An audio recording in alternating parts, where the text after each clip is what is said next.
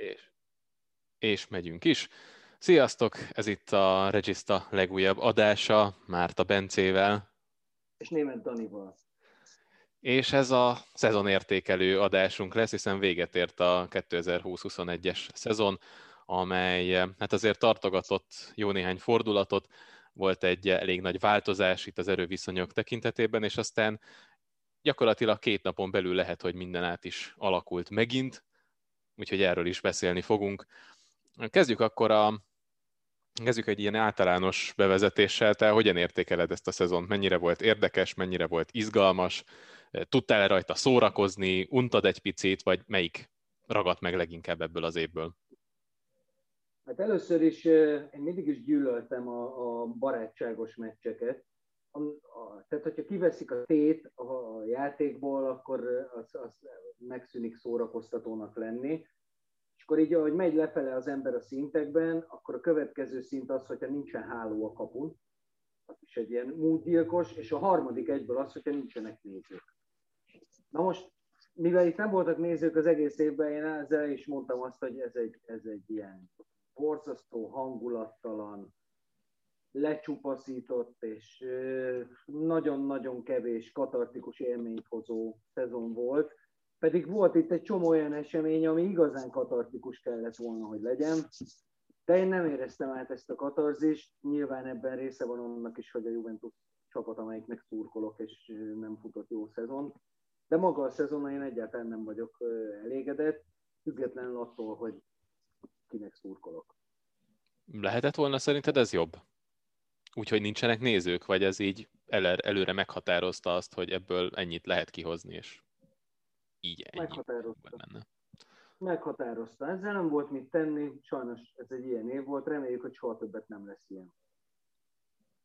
Te hogy reméljük, látod, mert neked azért jóval több okod volt a, a katarzisra, így a, mondjuk, hogy egészen márciusig talán? Mikor, mikor vett át a vezetést az Inter? Szerintem inkább február. Nem emlékszem már, hogy mi pontosan mikor volt a derbi, de hát ugye az volt az a pillanat, ahol tulajdonképpen elindult az Inter a felé, hogy kinyíljon az olló.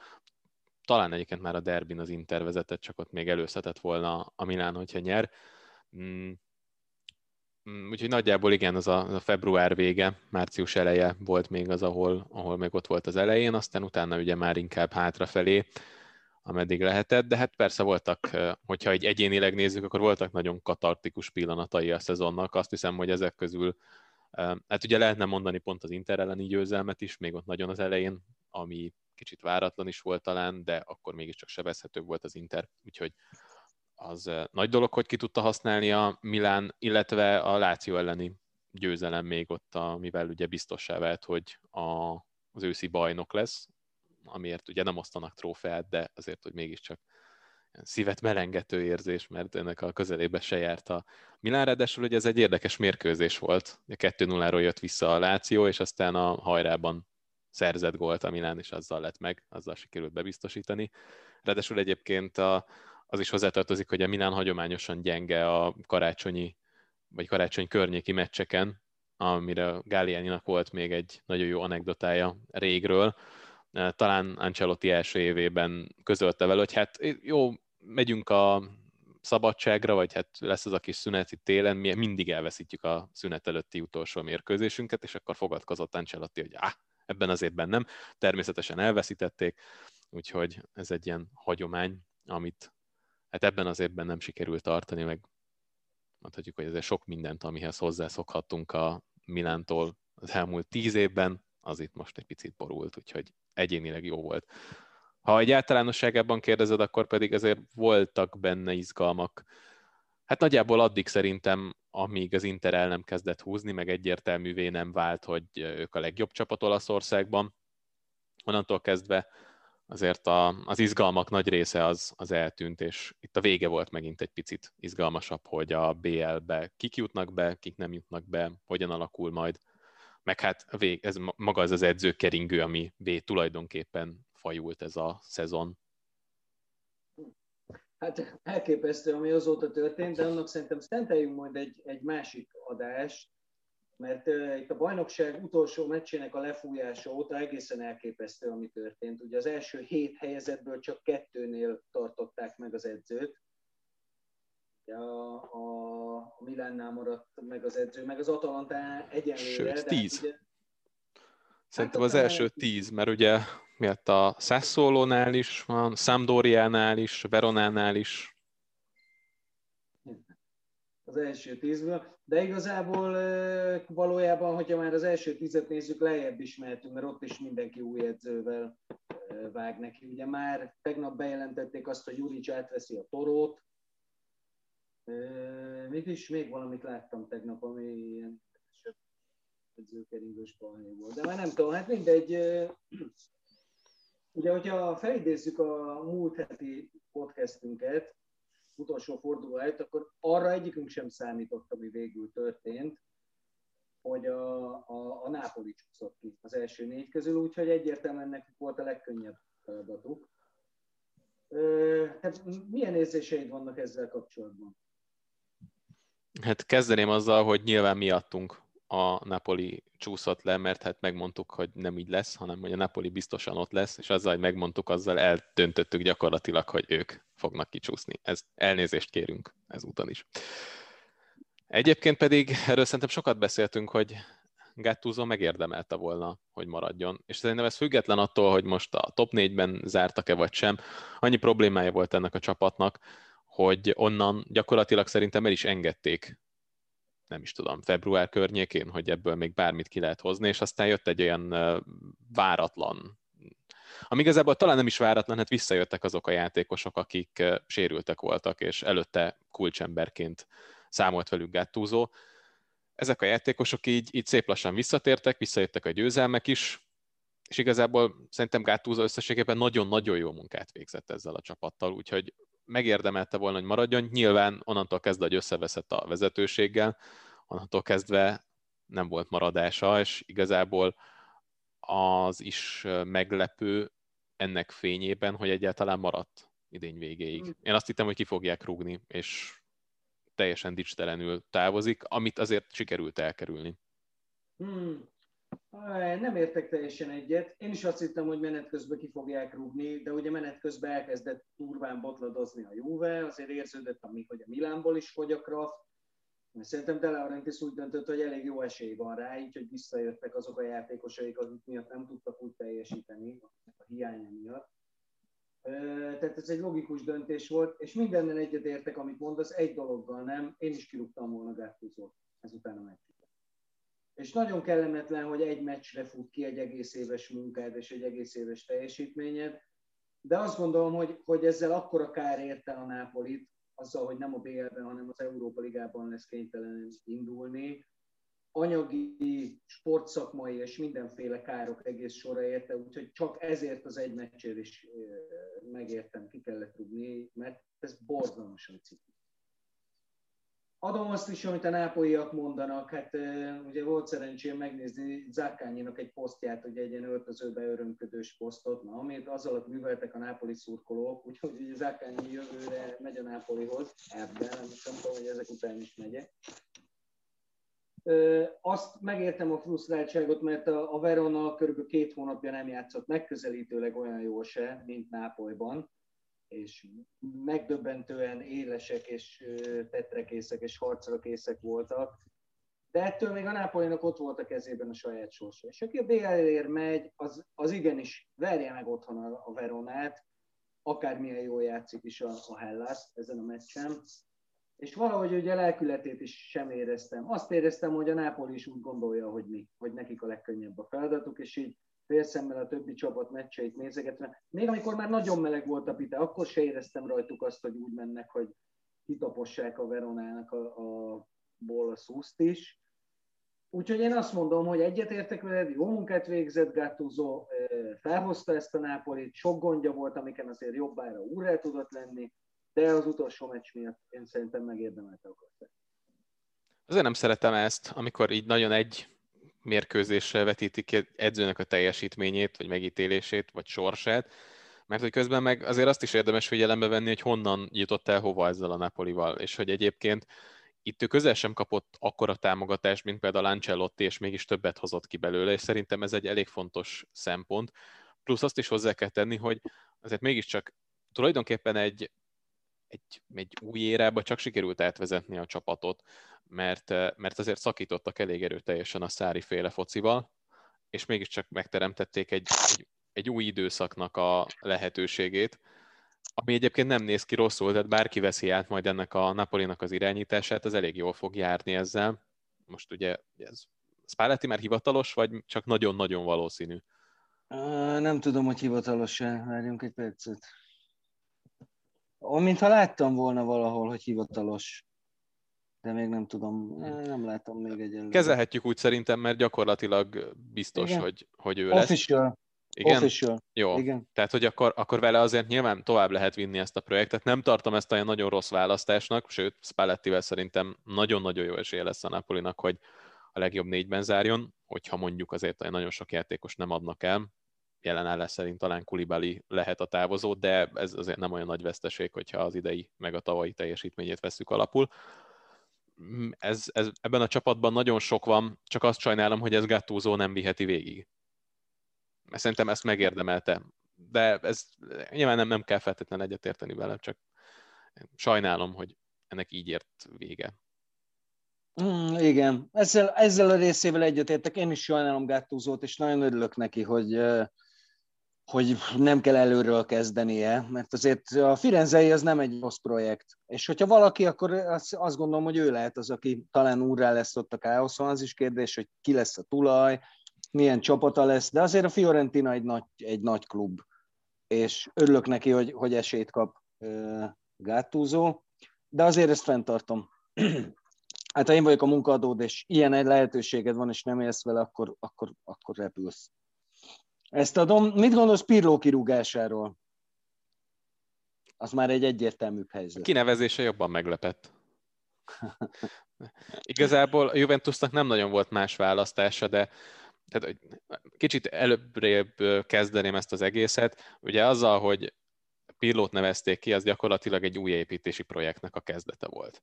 Erről beszéltünk, hogy a Juventusnál nincs olyan, hogy átmeneti év, most akkor jó lesz nekünk a top 4 is, nem akarunk nyerni. A Juventusnál minden évben nyerni kell, pláne akkor, amikor mondjuk ilyen lehetőségei vannak hogy gyakorlatilag Olaszországban az első számú klub, és nem nagyon van riválisa. Jó, ez azért most változott egy picit, de hogy azért mégiscsak olyan státuszban van a Juve, hogy nem feltétlenül az új építés kell, hogy legyen a, a célja, mint mondjuk volt Conteira előtt. Akkor nyilvánvaló volt, hogy valamin változtatni kell, és hogy mindent a nulláról kell gyakorlatilag fölépíteni. Most azért nem ez a helyzet, és így viszont furcsa, hogy leültetsz valakit, akinek nincs semmi rutinja ezen a szinten, sőt, semmilyen szinten, tehát még csak azt se lehetett mondani, hogy valami utánpótlás csapatot egészen jól trenírozott, és hogy micsoda gondolatai voltak, hogy maga mögé állított mindenkit, hanem most gyakorlatilag nem nagyon tudtak mást hozni, nem volt rá pénz, hogy mondjuk egy Pochettino kaliberű edzőt leültessenek, vagy... Meg idősem, idősem. Tehát emlékezzünk Igen, vissza. A másik augusztus közepén a Lyon kicsapta a Juve-t ugye a BL-ből, és meggyőződésem, hogy ha az nincs akkor, és mondjuk megy még egy kört, vagy eljut Portugáliáig a, a Juventus, akkor szerintem nem rúgták volna ki Szárit. De ugye ott elkezd... Igen, igen, mert amúgy minden szempontból rászolgált a kirúgásra. Azt, uh, szerintem, szerintem kétségbejtőbb volt Szári Juventusa, mint Pirloé, és Szári sokkal kevesebb dologra mondhatta azt, hogy nézd meg, hogy milyen problémákkal kell szembenéznem, mint Pirló, aki, aki borzasztó komoly problémákkal, olyan komoly problémákkal kellett szembenéznie, amiket egy nála sokkal-sokkal rutinosabb edző sem tudott volna kezelni. Fentartom, hogy Pirló kirúgása jogos, nagyon keveset tett hozzá, de azt is fenntartom, hogy ez nem jelenti azt, hogy Pirlóból nem lesz jó edző, és nem lesz belőle jó szakember, mert, mert azt is mondom, hogy nem ő volt a legnagyobb baja a Juventusnak. A probléma része volt sajnos, de, de Paratici kirúgása ezerszer megérdemeltebb, mint Andrea Pirloé. Abszolút, abszolút. Az a, az a furcsa, hogy mindig van egy, egy akár nagy klub is, amik megpróbálkozik azzal, hogy hát a Guardiolával és a Barcelonával ez ennyire jól bejött, hát ha nekünk is működni fog azzal, hogy gyorsan előkapunk valakit az ifiktől, vagy valakit, aki éppen most majdnem letette már az edzői vizsgáját, még nem, de majd valamikor azt is megcsinálja, és hogy hát, ha ő lesz majd az új Guardiola, és ez Guardiola azért nem terem minden évben, és eh, Pirlóban lehet jó edző, csak ugye végig kéne járnia neki is a szamárlétre, elkezdeni mondjuk akár a harmadosztályban, ahogyan arról szó volt, aztán utána szépen végigmenni egészen az élvonalig, vagy akár külföldön uh-huh. is kipróbálhatja magát, szerintem az sem egy ördögtől való gondolat, de hogy ez hogy így egyből be a mélyvízbe, ráadásul egy ennyire bizonytalan lábakon álló projektnél, ami, ami tényleg hemzsegtek a problémák, azért az ugye kicsit erős kezdés volt. hogy nyilván más felé nem is nagyon mehetett el a Juve ezt követően, mint hogy edzőt cserélnek, és mondjuk, hogyha itt rákanyarodhatunk Allegri-re, akkor azért valószínűleg nem a legrosszabb kezekbe került a Juve. Na, igen, de azért ha Allegri az edzője idén a Juvénak, ami egyébként megtörténhetett volna, mert amikor ilyen óriási kapkodás van, akkor azért ott ült Allegri a, a seggén, úgyhogy semmit se csinált. Tehát ezt is Paraticséknak köszönhetjük egyébként, mert semmit nem változott a helyzet, csak most még többet kell fizetni Allegrinek, mert olyan vetétársak akadtak az Inter meg a Real Madrid személyében, akik simán odaadták volna neki azt, amit Conte keresett, vagy legalábbis abban a, a, a nagyságrendben. De közben meg azért Pirlo, tehát furcsa ez, mert az utolsó három meccs után, amiben ugye benne volt a kupadöntő, plusz az Inter elleni győzelem, és az utolsó fordulóban a Bolonya, ezen a három meccsen a Juve tényleg jól játszott, és hogyha így játszott volna egész évben, akkor, akkor nem lett volna kérdés, hogy megtartják Andrea Pirlót, főleg, hogyha ugyanezekkel a problémákkal tud is valamit kezdeni. De én azért azt gondolom, hogy nem szabad elfelejteni azt, hogy mi történt az év során. Tehát három meccs, és maga az elért eredmény, két kupa, BL szereplés, ez tulajdonképpen még akár vállalható is lenne, de az nem volt vállalható, amit Andrea Pirlo hozzátette ehhez a Juventushoz nem volt gyakorlatilag legerősebb kezdője a Juvénak, nem voltak húzó emberei, nem volt egy, egy egységes arca, nem tudott lehorgonyozni egyféle harcmodornál vagy szisztémánál, de még felállásnál, sőt formációnál se tulajdonképpen. Tehát kapkodott, ez mind nem arról szól, hogy Andrea Pirlo egy kókler, és soha nem lesz bele senki, hanem az, hogy olyan helyzetbe került, hogy olyan csapattal kellett, és itt mondogathatja mindenki, hogy mennyire erős a Juvénak a kerese. A, a nagy lófaszt erős a Juventus kerete. Nézzél, nézz rá erre a középpályára. Nincs egy nemzetközi súlyú játékos sem. Talán Rábiót leszámítva az egész társaságból, de Rábiótól meg nem... Nem értem. Súlyban igen. igen. De, hogy, de Rábiótól nem lesz jó egy csapat se egy jó csapatban tud jól játszani, de ez nem volt egy jó csapat. És ha végignézed a többieket, megkenni egy félreértés, az egy hatos az a csávó, és Pirlo nagyon benézte, hogy, hogy támadó középes, meg szélsőt játszatott vele. Artur szerintem a legnagyobb flop, aki valaha ennyi pénzért a Juventushoz került, az annak a csávónak nincs nemzetközi szintű skillje, egy se konkrétan. Tehát ez egy ilyen teljesen használhatatlan operett futbalista, Bentánkurnak meg, ugye ezt beszéltük többször, hogy leginkább trágyalé van a fejében szegénynek, pedig amúgy képességei alapján belőle lehetne jó játékos, csak sokat kellene tisztítani a játékán, egyszerűsíteni, mert azt hiszi, hogy mindent tud, és közben meg ebből nem jön ki semmi. Hát ugye Remsziről megbeszéltünk sokszor. Na most ezzel a középpályával csak úgy tudsz eredményesen, és nem értettem ezt Pirlónál, hogyha hármat beraksz közülük mert már akkor mennyiségre meg vagy a középpályán, és nem szaladgálnak át rajtad, és talán előrefelé is kijön egy-egy jobb passz ezekből a játékosokból. Ennek ellenére, hogy januárban elkezdte használni Pirlo ezt a rendszert, aztán szépen elengedte. És ráállt erre a teljesen haszontalan 4-4-2-re, amivel voltak jobb meccsei, vagy félmeccsei, mert az Inter elleni rangadón is a második félidő volt jó, a kupa döntőn is a második félidő volt jó, a Bologna elleni meccset meg szerintem adjuk is, mert ez a Bologna ez már nyaralt fejben, főleg a védői, bár ott azért tegyük az, hogy jól, jól is játszott a Tehát az, hogy Pirlo rászolgált a kaszára, az nem kérdés. Egy borzasztó szerencsétlen helyzet bejött ki. De azért mondjuk Carlo Ancelotti példája mutatja, hogy az, hogy valaki kezdetnek, kezdőedzőként megbukik a Juvénál, az nem jelenti azt, hogy, hogy nem lesz belőle óriási edző adott esetben. Hát igen.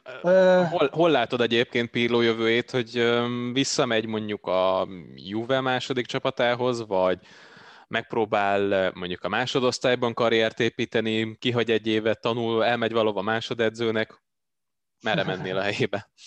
Én elfogadnám a százszólója ajánlatát, és szerintem el is fogja fogadni, és ez egy nagyon jó dolog lesz. Nem mondom, hogy olyan jó lesz a százszóló, mint Decerbi alatt, de ott megmutat, az Pirló szintje egyenlőre. Ott megmutathatja, hogy belőle igenis jó edző lesz, és a következő nagy csapatánál már sokkal jobban fog tudni dolgozni. Ez egy jó, jó ötlet szerintem, Szeszóval. Szeretni fogom én, azt gondolom legalábbis. Igen, meg ott jó alapok vannak, mondjuk ha nagyon szétszedik őket, akkor azért nem lesz egyszerű, de igen, az, az hát... biztos, úgy értem, hogy a klub háttér az eléggé biztos. Igen. Na, mit csináljunk? Menjünk tovább a csapatokkal, vagy nézzük a legjeinket? Va- maradt még, még bennünk akkor... valami a csapatokkal, szerinted? Igen, fejezzük be. Mi történt szerinted az Atalantával az utolsó két meccsre? A, amiben a kupa van benne, és az utolsó forduló bajnokság. Kupa döntő és Atalanta Aha. Milán. Hát a, a második a könnyebb ilyen szempontból, ott már valószínűleg a motiváció sem volt olyan nagyon magas, és itt nem feltétlenül arra kell gondolni, hogy nem akartak a játékosok küzdeni, mert az látszódott, hogy akartak, csak ugye más az, amikor téthelyzet alatt vagy, és egyébként jól bírod a téthelyzetet, és más az, amikor neked igazából már nincs komoly tétje az adott találkozónak, próbálkozol, próbálkozol, de hogyha nincs meg az az élesség, akkor nehéz ugyanazt játszani, és az Atalanta ezt sokszor jól csinálta, de azért amikor egy ennyivel élesebb csapat ellen kell ugyanezt megtenni, azért az egészen más, és itt szerintem egyébként azon a mérkőzésen Pioli is nagyon jól meccselt, nem akarta túl gondolni, Kicsit hasonló volt a helyzet, mint a Juve elleni meccsen is. Ne hibázzon a Milán, védekezzel jól, és aztán majd támadásból megoldja. Sőt, tulajdonképpen az utolsó négy fordulóban ez volt a, a helyzet. A, a Torino egy picit ugye hálásabb ellenfél volt a Milánnak, de a másik három mérkőzés az abszolút erről szólt, hogy ne hibázzon a Milán lehetőleg, és hát támadásban meg valami csak jön, aztán érdekes módon ugye pont a Kájári ellen nem sikerült ez, meg hát mondjuk azért az Atalantán is kellettek 11-esek. Én nem éreztem azt, hogy nagyon-nagyon rosszul játszott volna az Atalanta, csak most talán az a fajta plusz sebesség hiányzott, ami mondjuk egy ilyen típusú, vagy egy így védekező csapat ellen szükséges lenne nekik. Azon is csodálkoztam egyébként, hogy nem két csatára láttak fel, ami itt az utóbbi időben standard megoldás volt Gasperini-nél, nem tudom, hogy volt-e valami sérülés a háttérben, Mm, ez az egy dolog volt, ami egy kicsit nem zavar, de, de furcsálottam már a, a meccset megelőzően is. A kupadöntő az megint egy másik dolog, mert ott volt egy nagyon jó félidő, és aztán azért a, a, arra volt példa szerintem, hogy az Atalantának mondjuk a második félidő ez nem sikerült olyan jól, vagy valamelyik, mert hogy volt, hogy ők tudtak reagálni, és mondjuk fordítani, de szerintem az, az benne van az ő játékukban, hogy az egyiket azt nagyon meg tudják nyomni, és akkor utána, amikor viszont váltani kell, akkor nem mindig sikerül. És az viszont látszódott, hogy Juventus egészen más mentalitással ment ki a második félidőre, és más sebességgel játszott. Onnantól kezdve, hogy rá tudta erőltetni az akaratát az Atalantára, és erről is beszéltünk sokat, hogy akkor védekezni kell, és nem az van, amit az Atalanta szeret. Tartsuk az ellenfél térfelén a labdát, a 16-os előtt járassuk, ne kapjanak területet, támadjuk le őket, és rugdossák föl a labdát, azt majd mi úgyis le fogjuk szedni, és folytatjuk tovább, előbb vagy utóbb úgyis rogunk egy gólt, tehát hogy ez nem működött, hanem folyamatosan hátrálni kényszerültek, és onnantól azért eh, már kijönnek az egyéni képességek, és az, hogy ez a keret ez alapvetően eh, ilyen B és C kategóriás játékosokból lett összetéve bizonyos helyeken, azért nem mindenhol, de bizonyos helyeken igen, és szerintem ez volt alapvetően. Azt ugye megint más kérdés, hogy ezt hogy tudta elérni Pirlo és a Juventus, és hogyha mondjuk az Atalantát eh, képesek voltak oda szögezni kapujuk elé, akkor ezt mondjuk miért nem lehetett megcsinálni a Benevento ellen, még ott valamikor március környékén, meg sok ilyet fel lehetne tenni, de hát, ahogy említetted is, az utolsó három-négy mérkőzés azért egy picivel jobban alakult a Juventusnak, mhm. mint a szezon átlag. Erre az utóbbi kérdésedre nekem van egy válaszom, és akkor egy másik fontos témát is érintünk, ami szerintem ennek az évnek egy sarokpontja volt.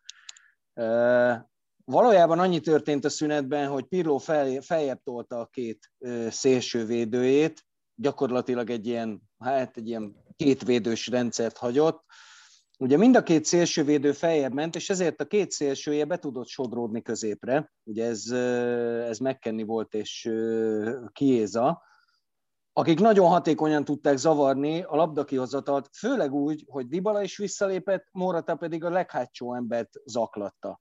Na most ezzel elmondtam egy csomó nevet, és nem szerepel köztük Ronaldónak a neve. Mély levegő, most megpróbálom egy mondatban elmondani, hogy mire gondolok. Arra gondolok, hogy nem tudod letámadni az ellenfelet úgy, hogy Cristiano Ronaldo a csapatodban van. Cristiano Ronaldónál a letámadás az annyit jelent, hogy neki ront az egyik védőnek, és aztán vonogatja a vállat, és kiabál hátrafelé, hogy miért nem jöttek a többiek is pressingelni. De ez nem letámadás, ettől még. Tehát az, hogy csapatszinten letámadást meg tud valósítani, ahhoz játékosok kellenek, és Cristiano Ronaldoval nem tudod ezt megcsinálni. Mert viszont ugye ezt meg jól tudjuk, hogy ha egy letámadás nem sikerül, nem sikerül, és az ellenfél át tudja hozni a középpályán a labdát, akkor már neki van helyzete, vagy mondjuk két passzból neki lehet helyzete, és Pirlo is így gondolkodott. Tehát a letámadás, ami a, legalábbis a diploma munkája alapján egy nagyon fontos része lett volna a Juventus játékának, az eleve kikerült a repertoárból. Kikerült konkrétan. És nem maradt miatt, mert szegény béna kapu előtt, hát ezt, ezt tudtuk eddig is, de maradt a csapatember. Tehát ő passzol, hogyha kell, védekezik, hogyha kell, amúgy a lábán a labdával is rohadt gyors, tehát Moratának ilyen gondjai nincsenek. Dibalának már inkább, de ő, ő is azért inkább oda teszi magát, ha mással nem azzal, hogy visszább lép. Tehát ha a Juve elveszti a labdát, akkor Dybala azért ilyen 40-50 méterre is vissza megy a, akár a saját térfelére is. Úgyhogy a kupa döntőt azt erre futtatom ki, meg arra, hogy a Juventus egyik legnagyobb problémája Pirlo mellett azért Ronaldo is volt. Mondom ezt úgy, hogy a 29 gól az gyönyörű eredmény. Az már nem gyönyörű, hogy utána lenyilatkozza, hogy na teljesítette a feladatát a Juventusnál, amiért idejött, mert hogy most már végre angol vagy olasz gólkirály is lett. Hát szerintem a klubnál nem így érzik. Meg gondolom a szurkolók sem feltétlenül. Bár azért a Twitterre láttam jó vitákat arról, hogy akkor ez most mennyire Ronaldo csapata, vagy hogy hol tartana Ronaldo nélkül a Juventus. Hm. Jön Szerinted... Ma... Megy vagy marad? Akkor... Ez Kicsoda, a Ronaldo? Aha. Biztos, hogy megy. Százszerzék, hogy megy, mert nem is tudna maradni, mert ugye jön egy védő, vagy bocsánat, jön Donnarumma, akit nagyon keményen meg kell fizetni, mert ugye a Juve kedvéért nem írta alá, tehát ő ilyen 10 millió környékén fog keresni, plusz Allegri csak önmagában ilyen 7-8 millióval többet fog keresni, mint Pirlo. Így már egy biztosan nem fér bele az, hogy, hogy Ronaldot fizesse a Juve, de nem csak emiatt gondolom, egyébként is azt gondolom, hogy, hogy már ő sem kapacitálja annyira ezt a dolgot, 36 évesen már engednie kell a fizetési igényeiből is, és a neve az még ér 20 milliót azoknak a csapatoknak, akik ezt ki tudják fizetni. Úgyhogy eh, itt minden a felé utal, hogy menni fog. De igen, csak ugye trükkös ez a helyzet, mert oké, okay, valószínűleg a piacon senki nem adná meg Ronaldónak azt a fizetést, amit ő most a Juventusnál kap, és pont ezért nem motivált feltétlenül, hogy ő ott hagyja a Juvét, viszont meg abban sem vagyok biztos, hogy valaki azt mondja, hogy jó, azt a 20 milliót megadom. Hát igen, lehet, hogy, hogy igazad van. Hogyha európaiban gondolkozunk, és egyébként azt nem tudom, hogy mondjuk arra mennyire lenne kedve Ronaldónak, hogy Amerikába se hiszem, hogy kifizetnének neki annyi pénzt, azt még el tudnám képzelni, mondjuk egy Los Angeles, vagy um, New York szintű piacra még úgy elmenne, vagy Miami adott esetben, tehát neki az ott még érdekes lehetne, de hogy ők sem tudnák annyit fizetni neki, amennyi, amennyi kellene, és az ilyen Kína, vagy nem tudom, valamelyik arab bajnokságban nem nagyon látom őt, hogy az európaiak közül ki az, aki azt mondja, hogy az ismert problémák, az ismert csomag ellenére is szeretnék leigazolni, az már másik kérdés, és azt hát, egyelőre nincs. nem látom, de... Hát Mindenféle vannak. szenárió van az ember fejében azért, hogy, hogy mi lehetséges. Azért van jó néhány klub, amelyik ki tudja fizetni effektíve, én a legvalószínűbbnek egyébként azt látom, hogy a Real Madrid nagy bevásárlása az fog helyet csinálni majd a Paris Saint-Germainben Ronaldónak. És akkor még ő is azt mondhatja, hogy 36 éves, de még érez magában annyit, hogy egy olyan csapatnak is meghatározó tagja legyen, amelyik BL-t akar nyerni, mondjuk Neymarra, az sok sikert annak az edzőnek, akinek a támadó sorában ott van Neymar meg Ronaldo, és még mondjuk Icardi, az, azok mögé be kell raknod három hatost, hogy ne kapjál 72 gólt minden meccsen. De azért egy Manchester Unitednél is azért van esély erre, azért Spanyolország, nem tudom, van azért csapat, ahol, ahol még el tudnám képzelni. Nyilvánvalóan Ronaldónak is engednie kell azért az igényeiből, mert ezért a pénzért ő már nem tud megdolgozni, amennyit ő keres. Ezért már nem tud megdolgozni. Na, én meg azt akartam kérdezni, hogy szerinted igazságos-e a tabella, ha így ránézel, és ha nem, akkor kivel szemben igazságtalan? Hát a Napolival szemben. És azt Na, hiszem, hogy a, hogy a Juventus nem a négybe, de hát ezért látszik, a Juventusnál nagyon sok minden kell ahhoz, hogy kicsúszson a top négyből. És még hogyha ez a nagyon sok minden megvan egyszerre, akkor sem biztos, hogy kicsúszik. De ott, ott egyértelműen mm. lenne egy csere. A többi szerintem oké, okay, úgy nagyjából. Most nyilván nem arra vonatkozik a kérdés, hogy a középmezőnyben eh, mit gondolok. Talán még egy, egy százszóló Róma csere. Vonatkozik. Eh, talán még egy szóló Róma csere, de na, az meg egy érdekes dolog, hogy most akkor a Róma konferencia Liga Mourinhoval, hogy mennyire veszik azt majd komolyan, meg hogy mennyire örül mondjuk Mourinho annak, hogy eh, még a konferencia ligával is lehet foglalkozni. Egyébként Egyébként, Láttad besz... azt a gólt, amivel bejutottak? Nem. Látta, látta, láttad az utolsó meccset? Hát ugye szopatták őket kettő óra, és aztán valamit így följebb jött a Róma, de az egyenlítésük, amíg vele ugye kettő-kettő lett a meccs, az olyan szabálytalan volt az a gól, hogy a VAR idejében, hát én elképzelhetetlennek tartottam, hogy azt megadják azt a gólt. Aztán nem, azt hiszem nem is videózták végül.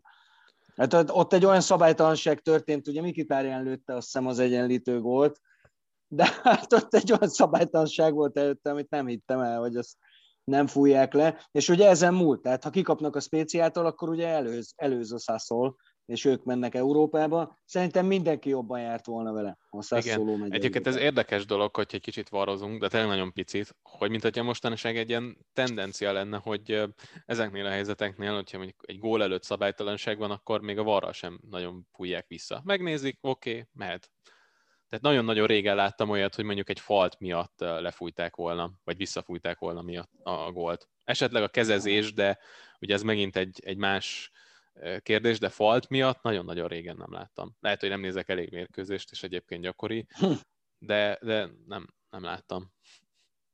Hát előfordult azért, de mondjuk idén se lettünk a varnak a, a felkent szónokai, az biztos. Tehát idén is, és ráadásul ilyen borzasztó fontos pillanatokban történtek olyan, olyan ítéltek, hát nem menjünk messzebbre, ugye három fordulóval ezelőtt volt ez az interjú meccs, amit olyan szinten fújt szarrá az a nyomorult bíró, hogy ha akart volna, se tud közben nyúlni egyébként a VAR, de ez is a VAR kritikája, mert miért nem tud közbeszólni, miért nem tudja bemondani azt, hogy mindenki látja, hogy Quadrado elleni szabálytalanság, ez nem szabálytalanság, beakasztotta a lábát Perisic lábai közé de nem szólhat közbe a VAR, mert ott van a kontakt, és csak akkor, hogyha százszerzalékos. Pedig hát ez mindenki tudja, hogy ez nem volt 11-es.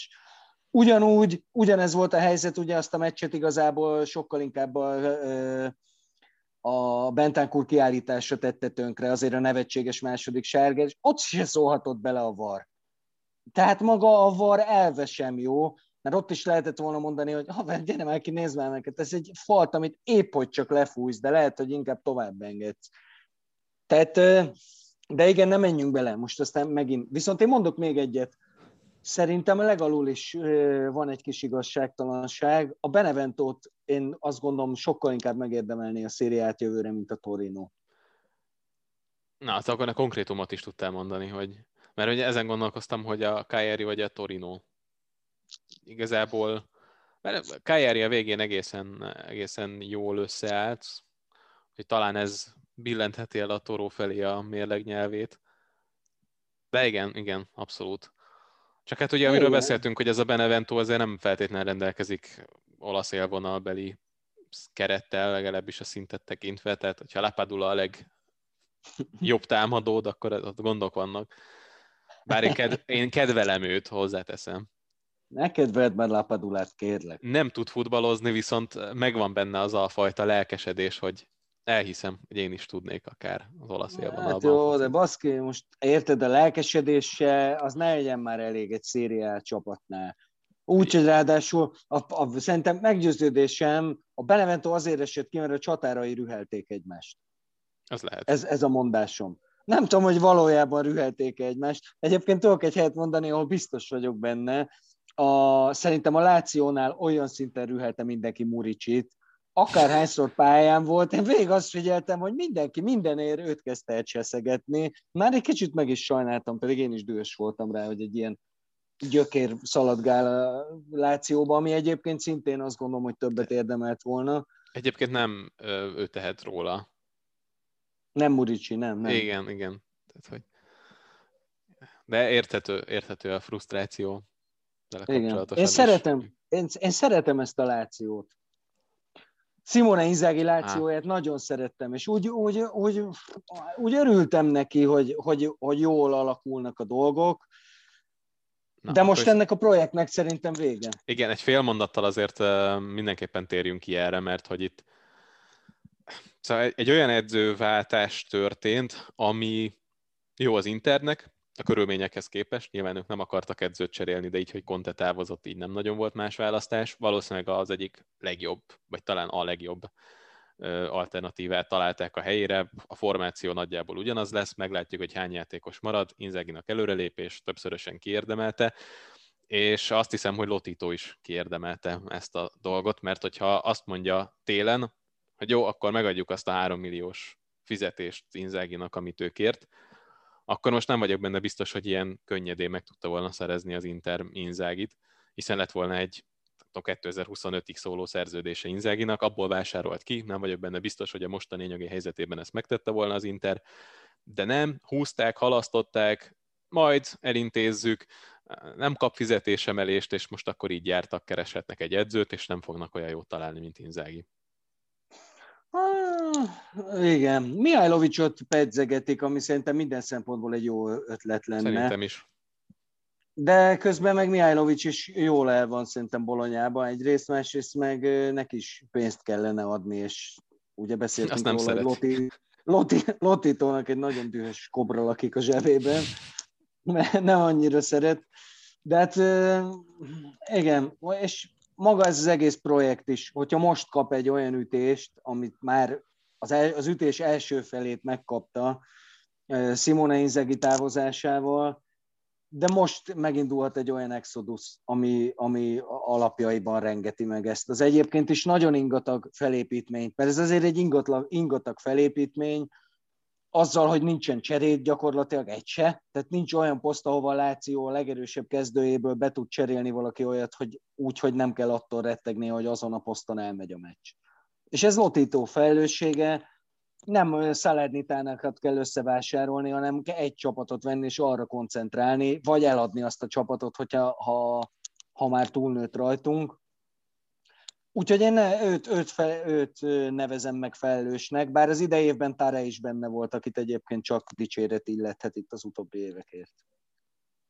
Muricsire gondolunk, de ugye erről sokat beszéltünk már korábban is. Hát meg Faresre is gondolunk azért, mert azt meg a jóisten se tudja, hogy mit láttak Faresben. Nem, nem, nem, hogyha a legrosszabb csapatot állítanánk össze, szerintem szerepelne jó eséllyel benne. Fares? Igen. igen. Igen. Kicsit szigorú vagy ma. Volt kaksi reggel? Na, jól van. Na, figyelj, térjünk rá a legjeinkre. Nem lesz legrosszabb csapatunk amúgy. Vagy igen? Hogy? Legrosszabb? Aha. Nem írtam össze én sem. Én sem, egy, egy, párat, egy párat össze tudunk szedni hát a majd... legrosszabb játékosokból. Kezdjük az álomcsapattal, vagy az majd így a legvégén, és akkor megyünk végig az MVP, legjobb kapusvédő, középpályás csatár, stb. Mondd meg te. Hát akkor legyen utóbbi, kezdjük el így az egyénieket, és aztán összerakunk majd egy csapatot is. Jó. Vagy egyenként ismertetjük a saját csapatainkat, és aztán elmondjuk, hogy miért jobb a sajátunk. Kínálod az MVP, legértékesebb játékos? Nicolò Barella. Akkor én, én Lukaku-t mondom, de azt hiszem egyébként, hogy egyébként is őt mondtam volna, de szoros a verseny, tehát nehéz lenne kettőjük között úgy érdemben dönteni, de azt hiszem, hogy nálam Lukaku volt. Legjobb kapus? Gigi Donnarumma nálam a szezon legjobb kapusa. Nem volt egyébként annyira kiemelkedően jó éve, de jól jöttek ki a dolgai a Milánnak, mert amikor neki rossz meccs volt, akkor mindenki másnak is. Ennek ott köszönhető az, hogy amikor a Milánt megverték idén, akkor általában nagyon megverték. De Donnarumma szerintem, és ő a következő tíz évnek az olasz válogatott kapusa is talán. Krányót még talán mellé lehet rakni, de igazából Donnarumma. Annyira fiatal még mindig, hogy az a tíz az lehet, hogy alul is becsülted a dolgot, és 15-20, na mindegy. Igen, szerintem is. Egyébként jó, hogy mondtad, hogy, hogy nem volt kiemelkedő szezonja, mert ez jutott eszembe, hogy nem is volt olyan nagyon kiemelkedő kapus teljesítmény talán ebben a szezonban, akit így egyértelműen azt lehet mondani, hogy első fordulótól kezdve az utolsóig tényleg szenzációsan védett, de nagy átlagot tekintve Donnarumma nálam is. Védő. A legjobb védő? Igen. Hát itt, itt azért bevallom, hogy egy kicsit gondban vagyok, mert Döfrey szerintem a legjobb, igen, nem Bonucci, hanem szerintem Döfrey a legjobb védő, de azért mondom mégis inkább Skriniárt, mert ő miért? Ő neki vissza kellett verekednie magát. Tehát ő ebből az 50-60 milliós védőből, ami négy védős rendszereknél volt az Internél, abból visszaesett egy ilyen 20. számú senki V a, a három védős rendszerrel és Kontéval, és a végére egyszerűen visszajött bele, és, és frenetikus volt. És van egy meglepetés mondásom is, Gianluca Mancini, aki ebben rettenetesen rossz Róma védelemben szerintem az egyetlen pont volt, amikor tudott játszani, és ameddig tudta javítani a mellette játszó botlábúaknak a hibáit, szerintem Mancini-nak kimondott a jó szezonja volt. De ez egy ilyen meglepetés mondás csak. Ez szóval meglepetés, mind... meglepetés. Nem Döfrej, mert hogy a legjobb védője az olasz bajnokságnak, hogyha így nézzük. De értem egyébként Skriniert, és tetszik ez az irány. És majd, hogyha a legtöbbet fejlődött játékosról beszélünk, akkor lehet, hogy egy jelölt. Legjobb középpályás. Na, ez, ez trükkös, bár hogyha MVP-nek mondtad Barellát, akkor igen, de nem mondhatom még egyszer Barellát, ő az ah. MVP-m, és szerintem ő is a legjobb, de most mást fogok mondani, Frank Kessiét mondom. Akkor én itt Barellát, mert hogy MVP az már van. Kessiéről azt gondolom, hogy, csatár, nem? hogy, hogy az ő játékának volt a legnagyobb hatása a Milánra, szerintem nem is vitás és ő az, aki nélkül tökéletesen elképzelhetetlen lenne Piolinak a játéka. Az, hogy, hogy, ő, hogy ő ennyire nagyon-nagyon jó játékos lett, én, aki már az Atalantában is nagyon csíptem, még akkor nagyon fiatalon, én sem gondoltam volna, hogy, hogy ilyen lesz. Ez egy nemzetközi klasszis teljesítmény volt, amit gyakorlatilag zöggenőmentesen egész évben hozott, úgyhogy 340 meccset játszott. Tehát ő aztán tényleg végigdarálta az egész szezon. Egyetlen egy bajnokit hagyott ki. Egyet? Egyet. És ugye, a sárgák miatt. Valószínűleg igen, és hmm. sőt biztos. A, az előző években sem hagyott ki sokkal többet. Ugye volt egy-két olyan időszak, amikor kikerült a kezdőből, és azért nem játszott, de egyébként gyakorlatilag sérülés nélkül hozta le a, az atalantás időszakát is már, és a Milánban eltöltött négy évét. Ami azért egész, egész komoly teljesítmény, úgyhogy évente 3500 percet játszik a bajnokságban. Úgyhogy nálam a második helyen ő lenne, mint legjobb középpályás, de Barella volt a legjobb, legalábbis szerintem, de tényleg szoros a verseny. És hogyha legjobb csatárt nézzük, akkor viszont gondolkoznom kell, hogyha nem lehet ugyanaz, mint az MVP-m. Hát gondolkozz rajta, én meg ide bemondom Lukakut, mert nagyon, Értem. ahogy a Milánnál rá tudunk bökni Keszére, mint legfontosabb láncszemre, úgy az Internél azért ez nehezebb, mert ha Barellát, ha Lukaku veszed ki ebből a csapatból, Lukaku hiánya azért sebezne nagyobbat, mert, mert a közelébe sincsen senki. De még Barellát úgy, hogy tudná pótolni talán az Inter egy gyengébb csapat de Lukaku, és eleve az, ehhez a, a formációhoz és ehhez a játékrendszerhez, amit pont egy csinál, borzasztóan kell egy ilyen kilences, amilyen Lukaku. Úgyhogy én ide, ide egyértelműen őt mondom.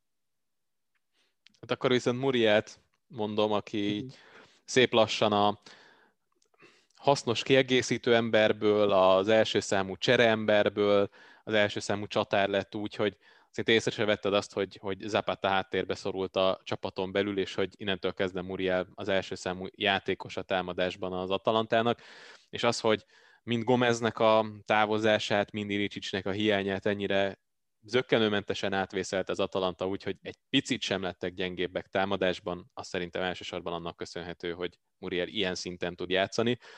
És emlékszem arra az adásra, amikor Murielről beszélgettünk, hogy ő majd milyen erősítés lesz az Atalantának, akkor azért hát én biztos, hogy nem mondtam azt, hogy ő majd ennyire, ennyire jó játékos lesz, hanem hogy majd az lesz a fő erénye, hogy három-négy poszton bevethető, tehát hogyha mondjuk pihentetni kell valakit a szélen, akkor oda is be tudod tenni, hogyha középcsatár kell, akkor azt is eljátsza, hogyha be kell hozni még egy csatárt, hogy túl lehessen tölteni a 16-ost, akkor arra is jó, de az, hogy első számú ember lesz, és hogy ilyen gólokat lő, és ilyen formában fog játszani, ezt még őszintén szólva úgyse gondoltam volna, hogy azért végnéztünk pár ilyen játékos Gasperini rendszereiben, úgyhogy egyébként ezzel nyilván nem mondok nagyot, hogy az álomcsapatomban is benne van. Muriel benne van? Persze. Nézzem, az enyémben szerintem talán nincs. Mert te beraktad Ronaldot, nyilván. De hogy raktam be Ronaldot. Na. Benne van Muriel az enyémbe is, haver. Na. Bennem van. Ki a Muriel Lukaku hármassal rohamozok. De majd ezt mindjárt, oda, mindjárt odaérünk. A legjobb edző. Legjobb edző. Most akkor cserélünk, és akkor nekem kéne gyorsan mondani. Uha. Én, én őszintén még mindig bajban vagyok, mert minél többet gondolkozom, annál gyorsabban cserélődik a sorrend, vagy a, mindig, mindig átalakul. Mert hogy le, mindegyik mellett tudnék érvelni. Hát mondjuk három ilyen név van a Pixisben. Nyilván Conte, Na, aki, ki a három?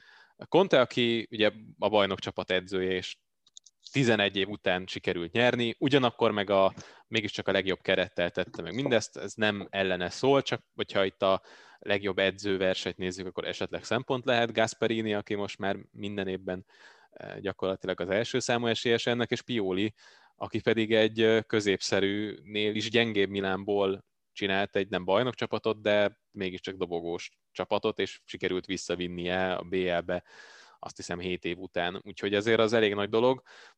Kicsit ilyen elfogultságnak érezném, hogyha Piolit nevezném meg, úgyhogy talán ezért hajlok mondjuk a másik kettő felé, de ott is mindig e-, ebbe botlok bele, hogy nem tudok dönteni kettejük között, mert akkor legyen Gasperini. Mert hogy azért, mert hogy megoldotta Gomez és Ilicicsnek a, a hiányát, és szinte zöggenőmentesen, sőt teljesen zöggenőmentesen át kerültek egy, egy új érába, tehát nem kell azon gondolkozni most, hogy jövőre mi lesz velük, mi lesz, hogyha majd Iricsics és Gomez távozik, mert már látjuk, hogy tökéletesen működik a rendszer maga, a csapat. Hmm. Hmm. Nagyon megvettem az érvedet. Még egy nevet hozzácsapnék, Vincenzo Italianoét, aki egy Serie b csapattal maradt benne, úgyhogy 15 lett, azt hiszem talán a speciál. Tehát az is egy nagyon szép dolog, ráadásul ugye most ugye szóba került a Lációnál is elég komolyan. Nagyon-nagyon jó lenne egyébként. Hát már hörögnek a Láció szurkolók, de csak azok, akik tufák és nem láttak ö, meccseket. Mondjuk nem látták a Spezia Milánt például. Mert akkor az... volt. hát, de hát az mi volt? Én azt nem hittem el, ami ott a pályán történt. És nem egy fél időnek, hanem az Kettő. egész meccsen. ez, ez nagyon csúnya volt.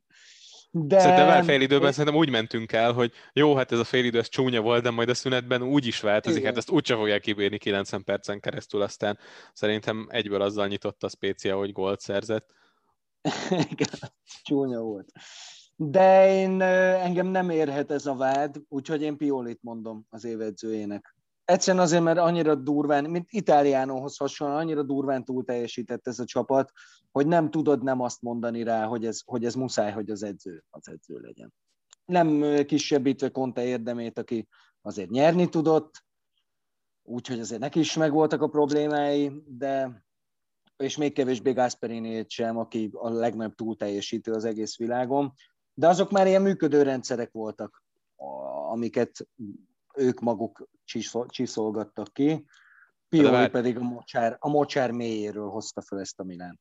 Elmegyünk szó nélkül amellett, hogy Gasperini négy védővel is játszott? Hát, az már szerintem ilyen punk dolog volt csak. Mi ez, hogyha nem evolúció? Igen, de legalább, legalább eldől a vitám jó Tomival, mert Tomi azt szokta mondani, egyébként már akkor belecsípek, a, nekem a bal hátvédem Gossens, idén is, ahogy tavaly is ő volt, és Tomival vitatkoztunk ezen, hogy, hogy, hogy ő pont ott jó, ahol van. Tehát, hogy középpályán, vagy hát szányvédőt játszva, mert hogy szélsőnek nem elég jó, meg nem elég támadó, meg nem tud elég jól beadni, hátvédnek meg nem elég védős, meg nem tudom, és én mindig mondtam, hogy mondom, szerintem Gossens azért jó ott, ahol van, mert oda állítják. De előrébb húzod, akkor is jó lesz, hátrébb tudod, akkor is jó lesz. Legalábbis jobb, mint Teo Hernández. Na mindegy. Mert van Mondta, hogy nem raktad be. Te ott hülye, ne viccelj. Jó van, jó. Nem tudom, láttad el, hogy ugye Hernandez kapott a FIFA játéktól egy ilyen kártyát, amin rajta vannak a képességek, és ha jól emlékszem, akkor a védő skillekhez kapott 90-et. De mennyiből? 99-ből. nem vagyok fifás, úgyhogy nem tudom. Melyik univerzumban? A védő skillhez? Igen, soha nem Várjál. látták játszani, akkor se. De várjál, mondok ennél jobbat, a non plus ultrát. Igazolt a Fradi egy, fú, már ez jó 8-10 éve volt, igazolt valami is, istentelen tufa színesbőrű csatárcsávot, és a Nemzeti Sport lehozott róla egy ilyen kártyát, hogy bemutassák, hogy ki a Fradi új igazolása, amiben ilyenek voltak, hogy feljáték 9, kapuérzék, vagy ilyen gólérzékenység 9, cselezőkészség 8, fizikai erő 10, és akkor itt azon rögtünk, hát akkor még ugye az volt, hogy vettük a nemzeti sportot, és ott mutogattuk egymásnak, és azon rögtük, hogy bazd meg, ez drogba kb. akit itt leírtak, és aztán a csávó, az a baj, nem ugrik be a neve, pedig aki fradista és hallgat minket, ez nagyon rögne rajta, mert egy fél év és mondjuk három szerzett gól után megvárt tőle a, a Fradi, de hát ez kb. ez, tehát hogy most az, hogy a, a FIFA-ban 9, 90? Uh-huh, azt 90 hiszem, pontot igen. kapott a védekező képességére? Na, aki azt a 90 pontot adna, annak levetíteném mondjuk a, a Milán Juve-t, vagy mondjuk bármelyik meccset, ahol egy jobb szélsővel akad szembe, aki... Ne, nem, rossz mondat, bármelyik mérkőzését, tetszőlegesen. Rámutatsz bármelyikre, találsz nála négy olyan védelmi hibát, hogy az, vagy azért nem lett belőle gól, mert most már Tomori védekezik mögötte, vagy azért, mert Kessé zár vissza, de hogy nem Hernández védekezik azon az oldalon, az biztos. Egy ideig egyébként Pioli azt csinálta, hogy Kessiét húzogatta át arra az oldalra, és mindig a jobb szélső mellett Kessiét tűnt fel. De szerintem egyébként mi ezzel rögtünk, egy Milán szurkoló cimborámmal cseteltem, hogy szerintem ezért vették meg Mejtét, aki egyébként nem annyira rossz vétel, hozzáteszem, mert annyira hasonló, hasonlít Kessiére, hogy automatikusan befosott mindenkit a középpályán, hogy hirtelen kettő lett belőle. Nem, mint a Kessié nem futna annyit, hogy elhinnéd, hogy kettő van belőle, mert mindenhol ott Csak van. kettő. Ja. Na, végvesszük a Citrom csapatot is? Vegyük, vegyük. A legrosszabb kapus. Hát én Sesnyit mondom, de csak azért mondom őt, mert ő, ő azért korábban sokkal jobb volt. De mondhatnám Handanovicsot is, aki meg óriási kedvencem volt, és idén kimondott lepkéket nyert be. Tehát az internet kapust kéne vennie szerintem. Itt, itt a vége a Handanovicsról. Mondom ezt úgy, hogy imádom a cságot, és nagyon jónak tartom. Én szepén gondolkoztam, ez lehet, hogy fura lesz, de uh hogy ugye éveken keresztül a, a hátán vitte a, mondjuk a pármai védelmet, és ebben a szezonban neki sem ment, de kicsit igazságtalannak érzem, mert ott a teljes csapat összeomlott, és uh, nyilván az is benne volt, hogy az elején nagyon magas minőségű helyzeteket lőhettek az ellenfelek, és onnan azért az önbizalom is esetett szét, csökkenhetett, tehát hogy kicsit lehet, hogy igazságtalan vagyok, de szerintem akkora volt a differencia az előző évi teljesítményei és a mostani között, hogy őt legrosszabb védő. Kifagytál. Kifagytál egy pillanatra. Igen? A legrosszabb védőre elég egyértelmű a válaszom. Én Milenkovicsot mondom. És most azért erősödött föl bennem ez a dolog, mert mindenki most már nyilván az összes fórumon az, hogy kit kellene leigazolni, meg hogy kit kellene megszerezni, és elég sokszor látom Milenkovics nevét. Most neki olyan dögletes szezonja volt, hogy komolyan mondom, és nem csak ott a válogatottban is láttuk, hát ugye nyertünk Szerbiába, és azt a gólt is ő ajándékozta a könyvesnek, de amúgy is rettenetes volt, óvatlan volt, tehát csak a rossz tulajdonságait mutatta meg, oké, okay, kifejelt 274 szögletet. Lenémítottad magad. Nem értem? Lenémítottad magad, vagy valahogy lenémultál? Nem, megcsörrent a telefonom, de gyorsan ja, kinyom. Okay. Úgyhogy Milenkovics az emberem. Kulibeli. ezen nem nagyon gondolkoztam, hogy nyilván nem ő volt a legrosszabb védő így a bajnokságban, de ugye azt vártuk volna tőle, hogy akár mondjuk a tavalyi kicsit gyengébb éve után, így fogalmaztunk, hogy kicsit gyengébb volt ez az év, hogy azért itt majd megint a Napoli védelmének a vezére lesz, és ehhez képest nagyon nem volt az. Tehát ez, ez most már ezért kicsit aggasztó két ilyen szezon, és nagy kérdés, hogy ezek után el tudja adni a Napoli annyi pénzért, hogy abból mondjuk egy minőségi pótlást meg tudjanak oldani. És talán nem véletlen, hogy az előző nyáron nem vitték el azért a, nem tudom, 60-70 millióért, amit szeretett volna érte De Laurentiis, és most uh, szerintem ezzel bajban lesznek, hogy őt értékesítsék. Tehát vagy nagyon az elképzelt áron alul, vagy megtartják még, és akkor viszont hát nem tudom, hogy mennyire tudják még ráépíteni a, a védelmet, mert nyilván a képességei azok nem lettek rosszabbak, de a teljesítmény az nem volt jó az előző két évben. Igazából Gattuso, ő az egyetlen, akit nem fölfele húzott Gattuso. Igen, igen. Ez hogy így, mint hogy az ő érkezésével történt volna. A középpályára én Artúrt mondom. Tudjuk jól, hogy az a 80 millió, ami az RC duláján volt, az egy ilyen könyvelési manőver volt, ami mind a két csapatnak kellett. De azért, azért, azért ennél többet várt tőle az ember, az a csávó az semmire nem használható. Tehát az, hogy rá tud tekeredni a labdára, és nehéz tőle elvenni, az 2021-ben egy top csapatnál ne legyen már skill.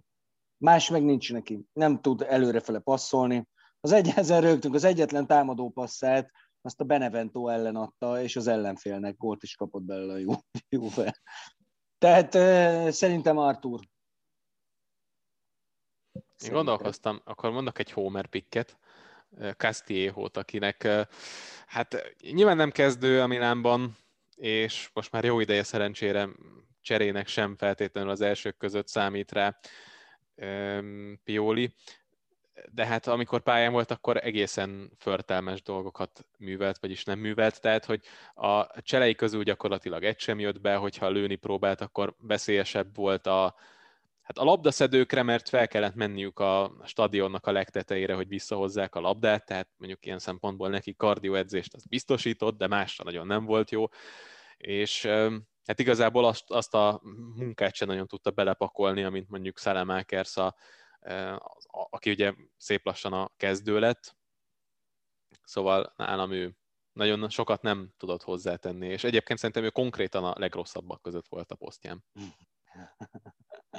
Igen, bár mondjuk ő kevésbé tartom középpályásnak, de oké, okay, Szélső, igen. Most, most itt a Milánnak a helyzetéből. Csatár, én kettőt is mondok, de először csak egyet. Nikola Kalinicsot én egyébként is rühellem, de nagyon durván, és szerintem a, az, hogy, hogy a, a, a Veronának a, az egyébként nagyon masszív és nagyon szervezett játékából nem jött ki több ennél a tizedik? Tizedikek lettek? Tizedik, igen csak tizedikek, igen. Hát, hogy nem jött ki abból, az annak volt köszönhető, hogy nem volt egy olyan kilencesük, aki legalább nagy ritkán bele tudott rúgni egy egyeneset a labdába. Szerintem Kajnics szar csatár, és minthogyha nem volt mindig az, de minthogyha ez a, ez a VB-s kaland, ez, ez így tönkretette volna teljesen idegileg, mert azóta egy egyeneset nem rugott a labdába szerintem. És ki lenne a másik? Mondd először te, és aztán mondom. Hát akkor Muricsit nem, mert ugye már megbeszéltük, és azzal szerintem, a, tehát azért nem Murici, mert akkor a csatárok közé sorolnánk, és annyit azért nem tett le, hogy, hogy ezt ezzel meg tudjuk tisztelni. Jó, nagyon gonoszok vagyunk, vagy legalábbis én. Úgyhogy Máncsukics. Egy, egy másik Milános, tessék. Az a helyzet, hogy ön tényleg nagyon-nagyon semmit nem tudott hozzátenni ehhez, és nagyon jó igazolásnak tűnt, hiszen gyakorlatilag semmi pénzért megszerzett a Milan egy nagyon jó kiegészítő embert Ibrahimovic mögé, de amikor Ibrahimovic sérült volt, akkor Mandzukic is. Amikor pedig esetleg véletlenül éppen egészséges volt a horvát, akkor sem tudott mit hozzátenni. Tehát direkt figyeltem akkor, amikor beállt, friss erőként, mint negyed órára, és elkezdték felívelni rá a labdát, és nem tudott párharcokat nyerni.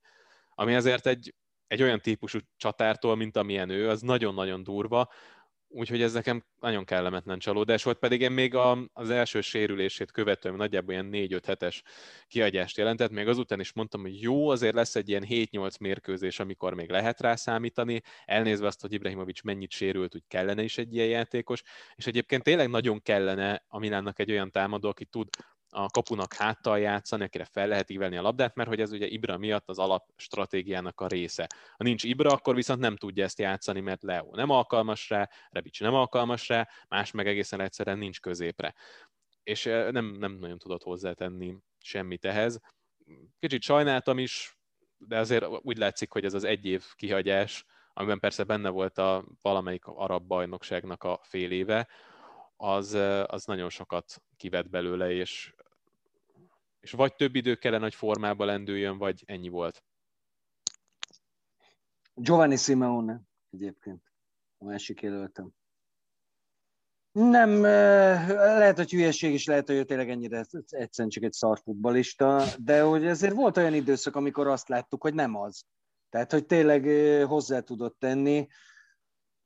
Na hát ebbe a Fiorentinában mondjuk nagyon nehéz lett volna kitűnni, de hát azért pont a csatárposzton láttuk, hogy nem lehetetlen hiszen Vlaovic személyében azért kineveltek egy játékost, akit nem tudom mennyiért vették, ha nagyon akarod, meg tudom nézni, de az, hogy most ilyen 40-50 millió környékén lehetne eladni, az azért ezt mutatja.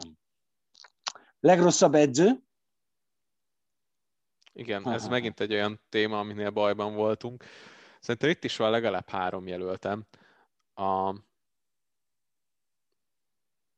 Nyilvánvalóan Di Francesco és Gianpaolo a kettő, akik egymást követően sokadik buktájukat érték, és úgy, hogy az általuk irányított csapat az utolsó pillanatokban került el a kiesést, és nem nekik köszönhetően, illetve Liverani, a harmadik jelölt, akivel ugye, hát végül nem vele esett ki a, párma, de tulajdonképpen ő indította el a kiesés útján a, a pármát, és onnan már megállíthatatlanul mentek a, a B felé és nem is vagyok benne biztos, hogy a három közül tudnék választani. A legnagyobb csalódás nálam egyértelműen Di Francesco, aki szerintem kifejezetten jó kerettel dolgozhatott, és érdekesnek is tűnt olyan szempontból, hogy azért voltak akár kreatívabb játékosok is, akikkel őt együtt tudott volna dolgozni, és ehhez mérten mégsem nagyon tudtak, hát egy idő után mérkőzést se nyerni, és azért ez egy nagyon-nagyon durván elhúzódó időszak volt, és ő megkapta a bizonyítási lehetőséget, tehát nem lehet azt mondani, hogy kitoltak vele, mert öt fordulót követően elküldték, megkapta nagyon-nagyon hosszú ideig a lehetőséget, talán az utolsó utáni pillanatokig is kitartottak mellette, úgyhogy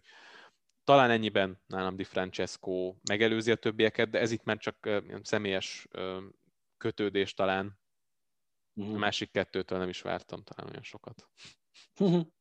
Én még oda csapnám Pirlót, azért minden probléma ellenére ez azért tehát nem tudja kitenni az ablakba, és azt mondani, hogy tette rá, mert nagyon, nagyon sok mindent baszott elő maga, és ez azért a rengeteg probléma ellenére. Ez kijött, és még én ide csapnám Fonszekát is. Ez meg ez, tiltakozom.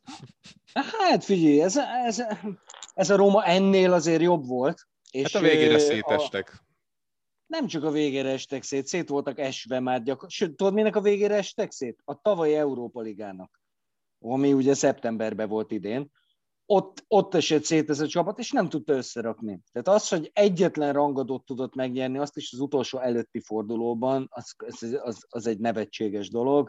És ha az Európa Ligában voltak is kimondotta a jó meccsei, ez a Róma, ez valami olyan fertelmesen mélyen volt. És nyilván rossz, nem volt jó a keret se, amit kapott, és neki is sok problémája volt de ahogy Pirlónál mondtuk, ő se rakott, ő nem, nem tett hozzá semmit ez. Oké, okay, lepofozta a bohócokat, de egy Rómánál ne legyen már ez a szint, azért ez egy nagyobb klub benne sokkal. Ezt mondom én. Firenzei edzők? Ja. Hát, figyelj. Mert hogy azért ez a keret, ez adott esetben alkalmas lehetne arra is, hogy európai, legalább egy konferencialiga helyért versenyben legyenek, és ehhez mérten az idei nagy részében a kiesés ellen menekültek. Úgyhogy egyébként, olyanok is voltak. Igen, hát Vlahovicsot leszámítva egyik fiatal játékosuk sem fejlődött, szerintem semmit, sőt, ugye Milenkovics esetében hosszasan részleteztet, hogy mennyi mindenben fejlődött visszafelé. Úgyhogy ez egy érdekes dolog. Nem tudnék Na, konkrétan egy embert megnevezni, mert egy általánosságában gyengék voltak, tehát ezért mondtam így, hogy a Fiorentina edzők. Igen, kb. így van. Szegény Prandellit sajnáltam, mert de hát ott, ott akkor állapítottuk meg, hogy itt valami nagyon ilyen fundamentálisan ment félre itt ennél a Fiorentinánál, mert eh, ahogy mondod is, azért a keretben ennél sokkal több volt, és nem látszott, hogy kijönne.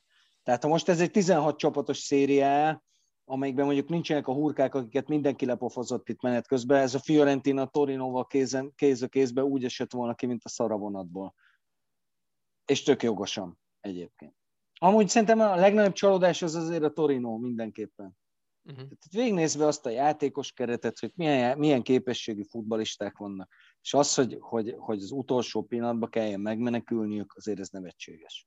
Úgyhogy a fizetési listán 9. a Torino. Na, hát ez.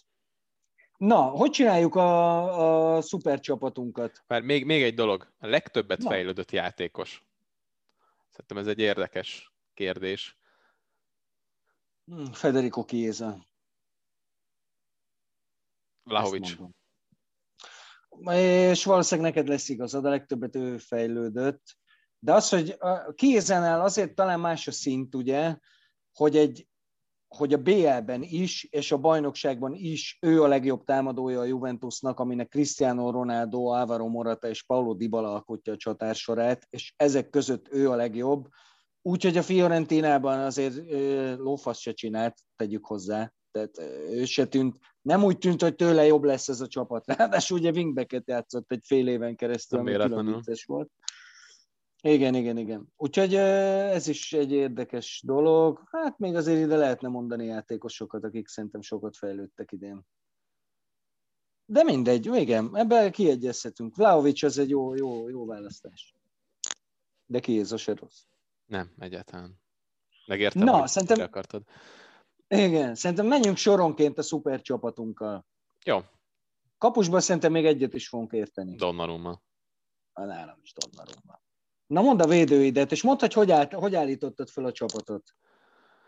Hú, ezen nagyon sokat gondolkoztam végül.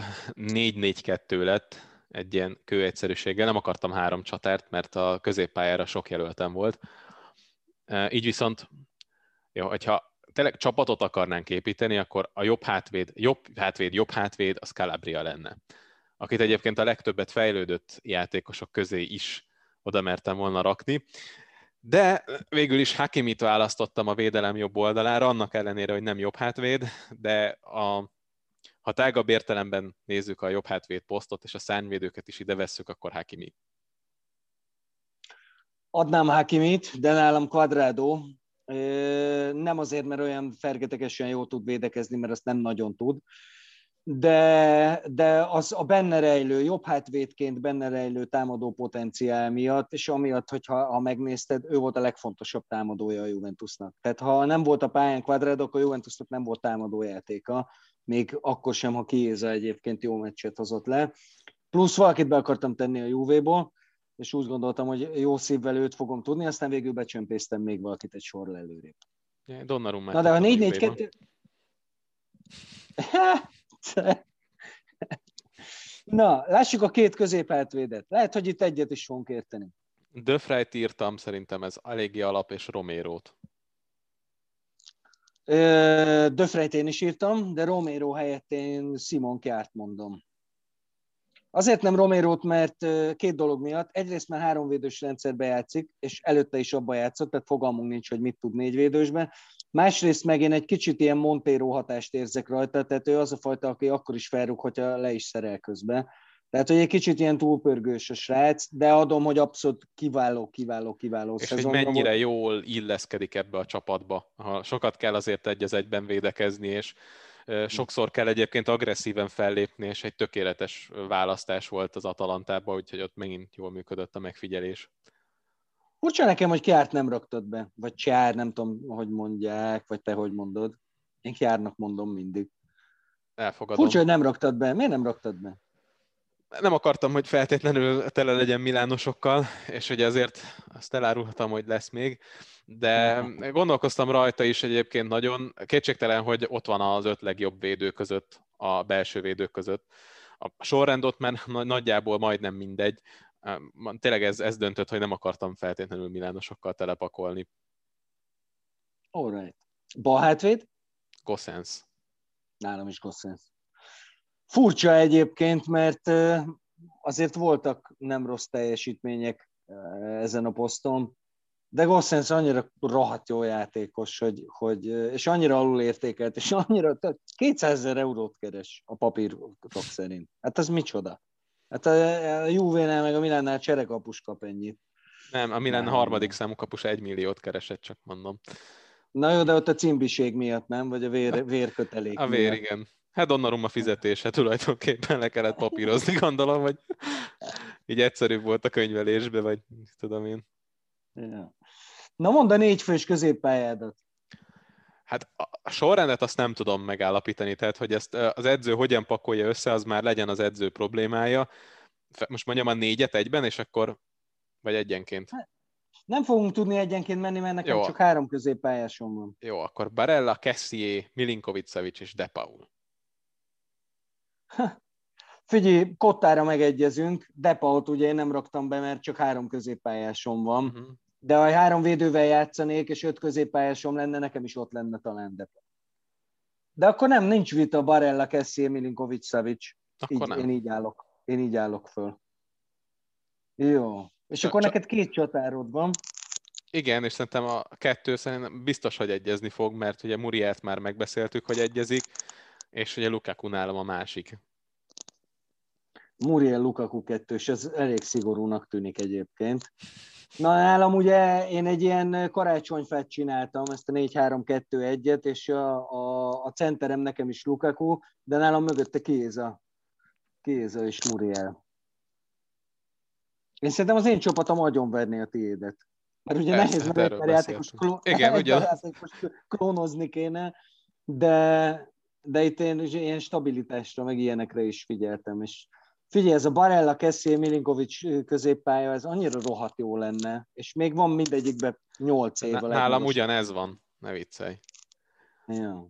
Csak berakod mondjuk a két csatár közé Depault, és akkor megvan a kar- nem karácsony, hanem négy-három, egy-kettő.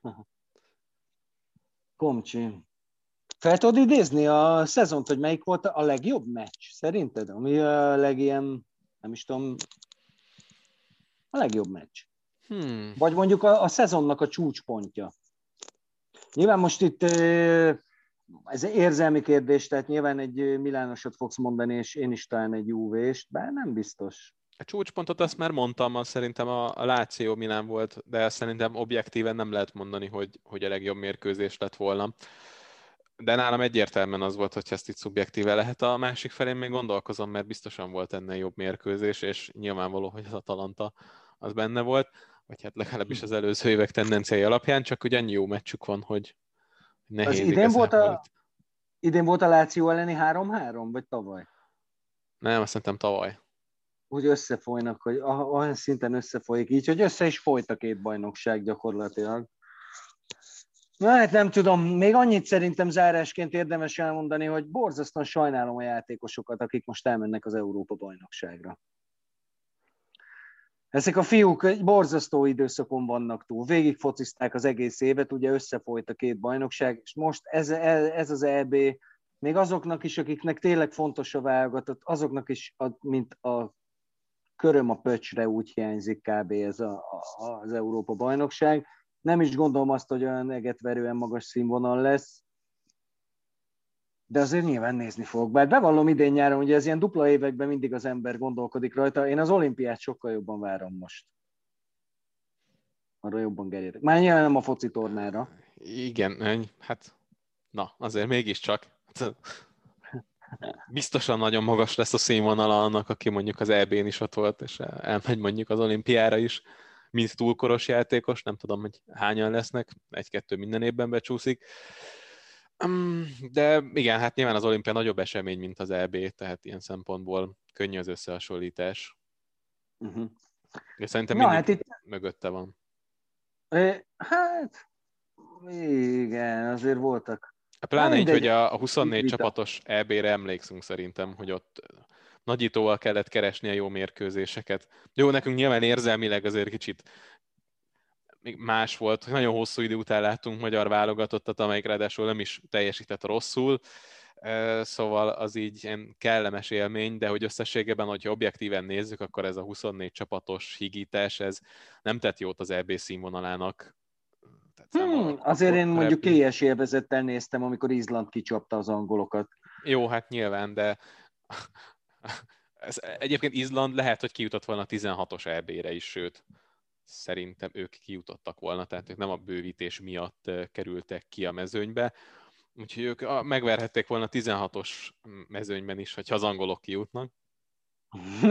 Igen, ez is egy kérdés. Na, szerintem csináljuk azt, hogy jövő héten üljük össze újra, és beszéljünk már a következő szezonról, mert nagyon-nagyon sok minden történt.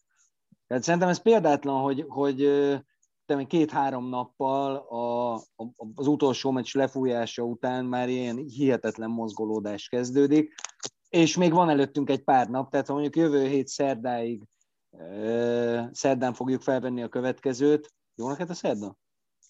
Mindjárt megnézzük. Lehet, hogy jó. Jó. Hát ha felveszünk, még addig még további rettenetes mennyiségű változás fog beállni. Először is kinevezik az edzőket, akik most még ugye sok az üres kispad, vagy az olyan hely, ahol nem tudják még, hogy merre induljanak. De mindenképpen érdemes lesz beszélni róla, mert nagyon sok vetülete van mindegyik sztorinak külön-külön is, és persze egyben is. Hát akkor így legyen. Köszönjük, hogy végighallgattátok. Neked megköszi, hogy itt voltál. Én is neked. Sziasztok, tartsatok majd Sziasztok. legközelebb is velünk.